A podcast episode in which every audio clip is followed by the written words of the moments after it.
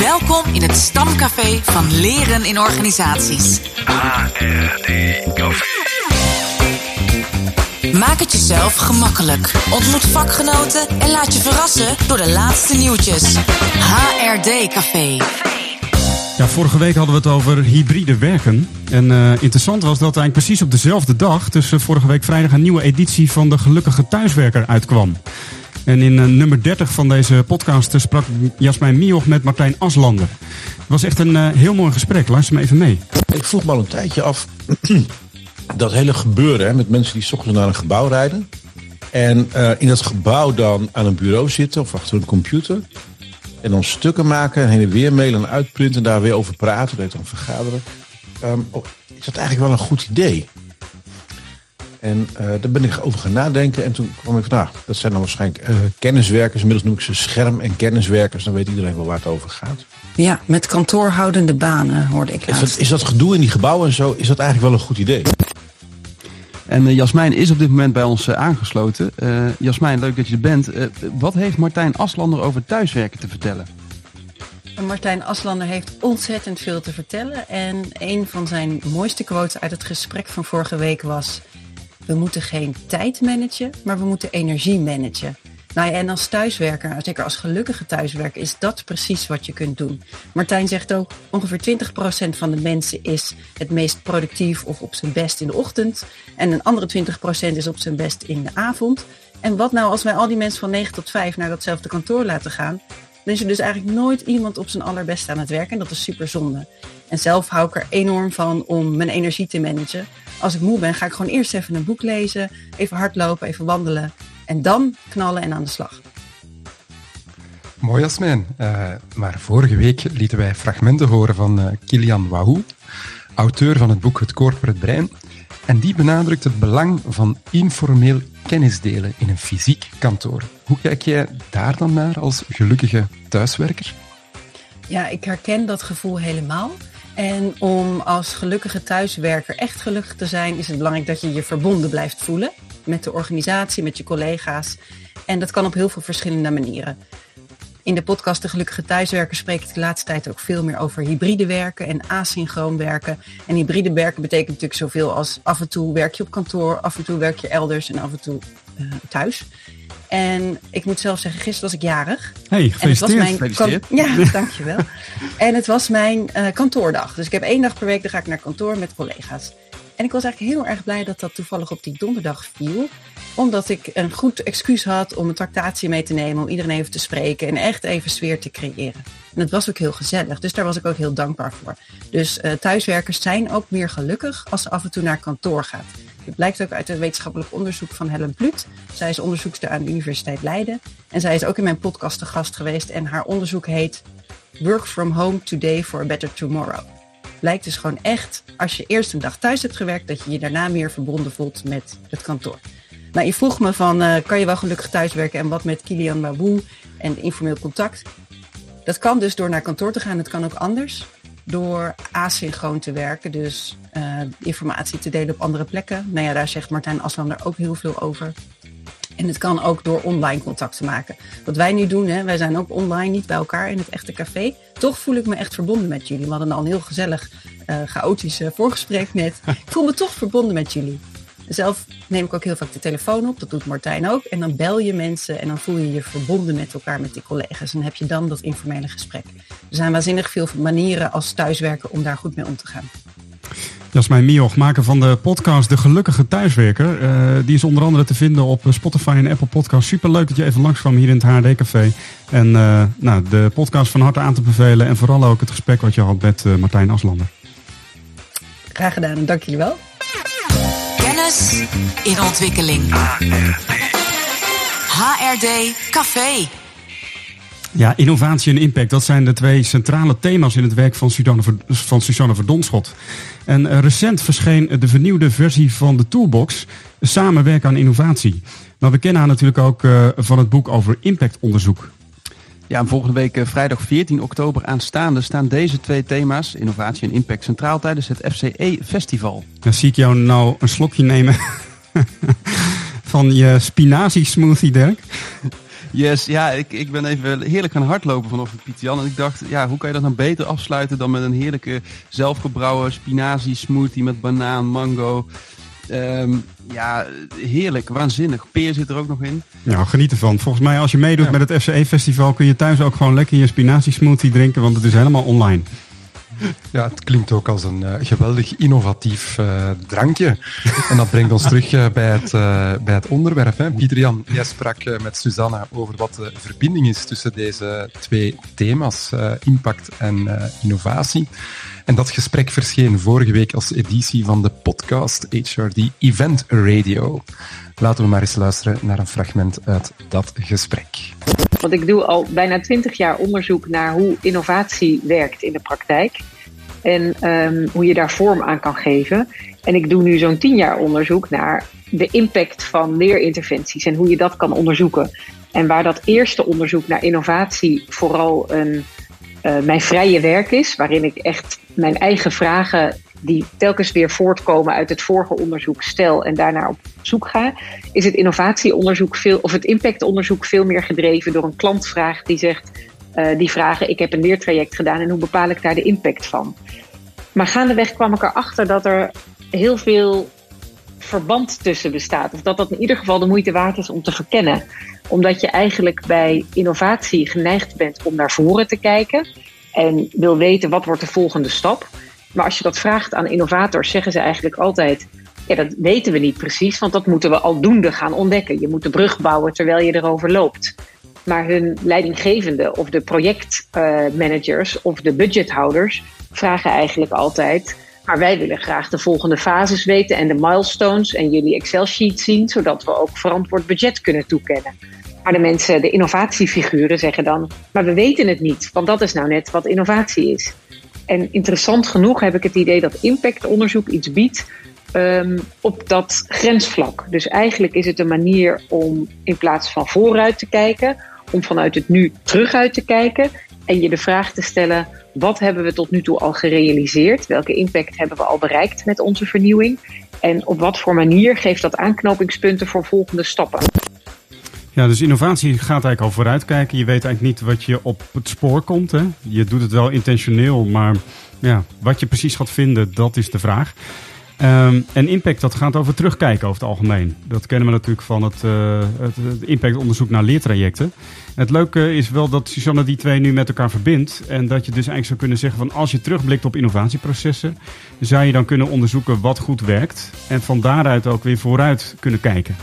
En ze zegt ook, daar zou best wel een idee in zitten om dat bijvoorbeeld dan ook met beleidsbepalers of met mensen die het budget bepalen voor de trajecten waar je aan werkt, om, uh, om die ook dan te overtuigen dat een volgende stap uh, belangrijk kan zijn.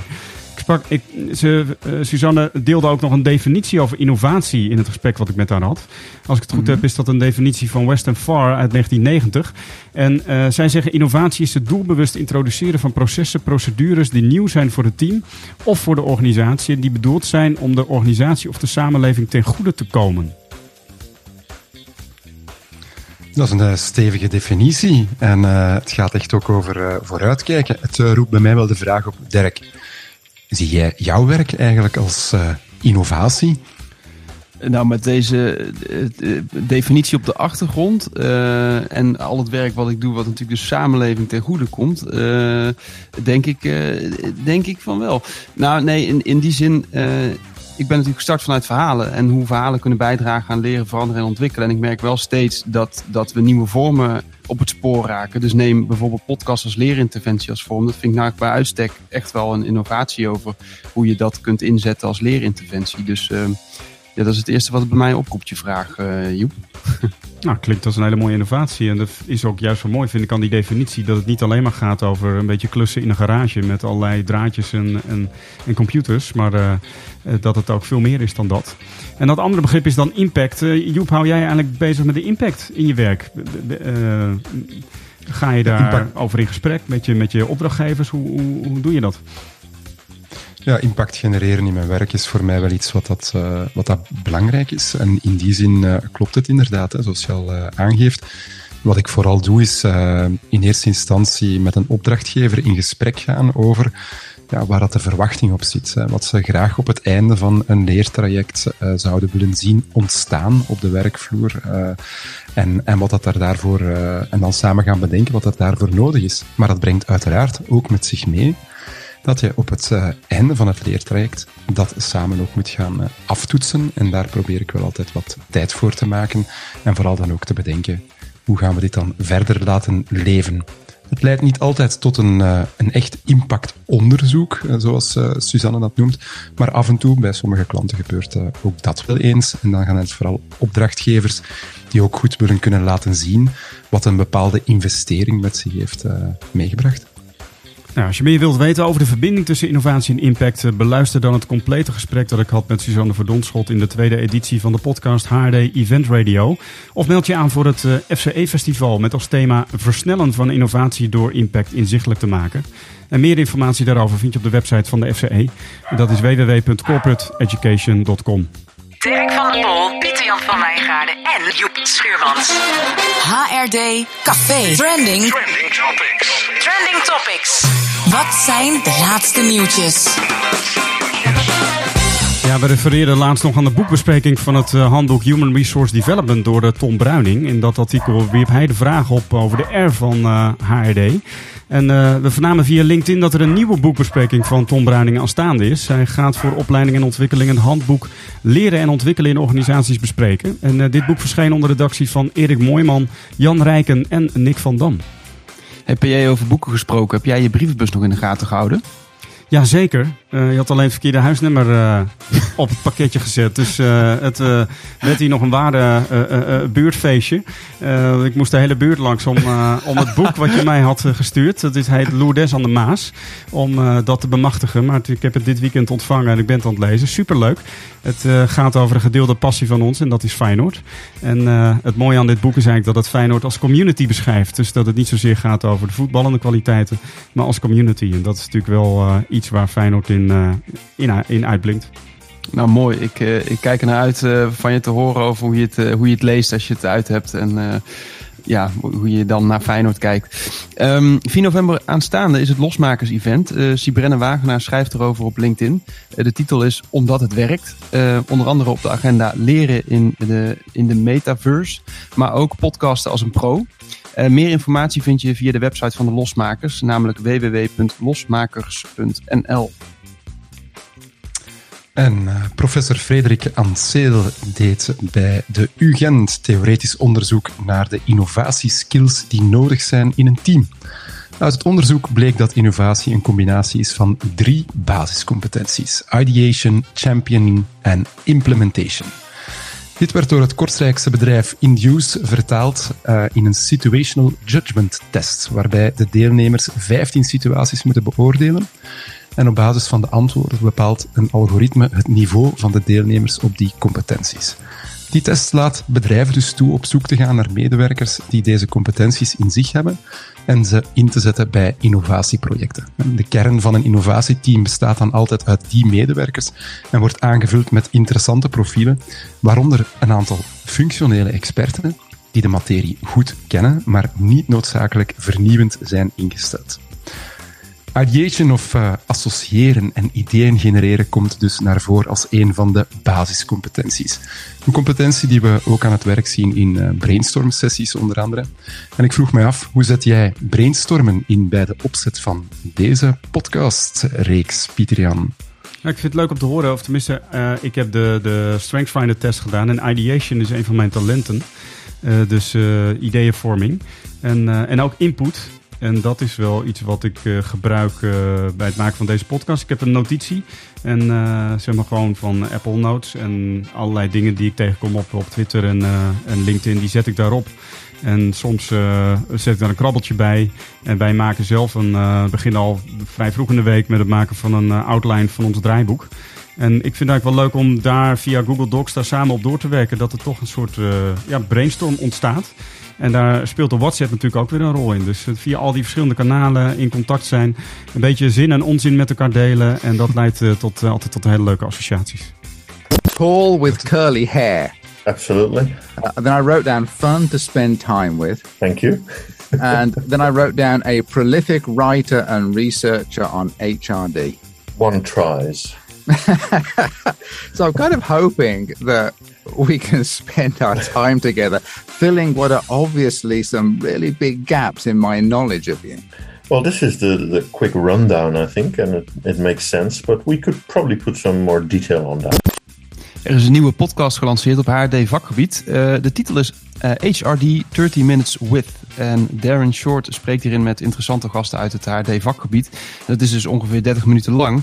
Het leuke is dat eh, onze eigen Rob Poel de eerste gast is. En daar hoorde je zojuist een fragment van. Ehm, HRD 30 Minutes With. Eh, de podcast is Engelstalig en nu dus te beluisteren in je favoriete podcastspeler. De Ig Nobelprijs is een parodie op de Nobelprijs en wordt ieder jaar in de herfst, een week voor de bekendmaking van de echte Nobelprijswinnaars, aan tien gevoerde onderzoeken uitgereikt, waar men eerst om moet lachen, maar die ook aan het denken zet. De Vredesprijs ging dit jaar naar sociaal psycholoog Paul van Lange van de Vrije Universiteit Amsterdam voor de wiskundige en psychologische analyse van roddels. Hij was er zelf eh, eerst eh, heel erg verbaasd over dat hij die prijs had gekregen. Eh, maar hij kon er zich wel eens bij voorstellen dat het thema roddelen toch wel op de lachspieren kon werken.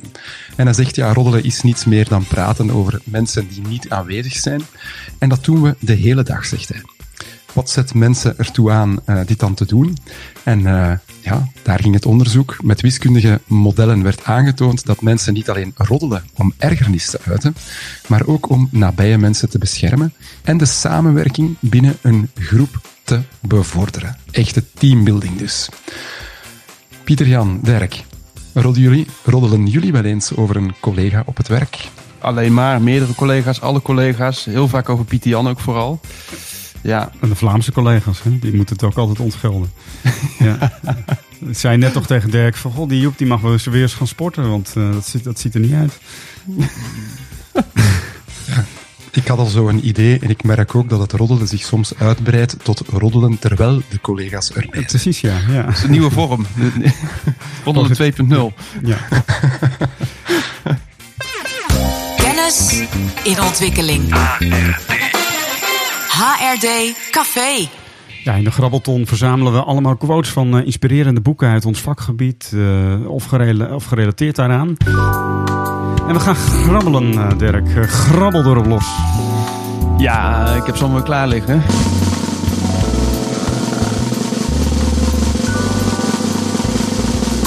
Oké, daar komt hij. Nummer, eh, even kijken, nummer, eh, nummer 2 zie ik hier staan. Even kijken. Eh, even kijken, Eh, oké. We are born in community, fully connected to another human. Without connection, we cannot survive. It's in our DNA to belong. Ja. Ja, mijn favoriete boek. Of een van mijn favorieten. Dat eh, boek is, heet Community, The Structure of Belonging van Pieter Blok. En Pieter, Nou. Pieter, Bijna. maar het, het raakt eraan. Er staat hierbij belong van Ra- Radha Agrawal. Ik weet niet of ik het Oh, goed uitspreek. Ja.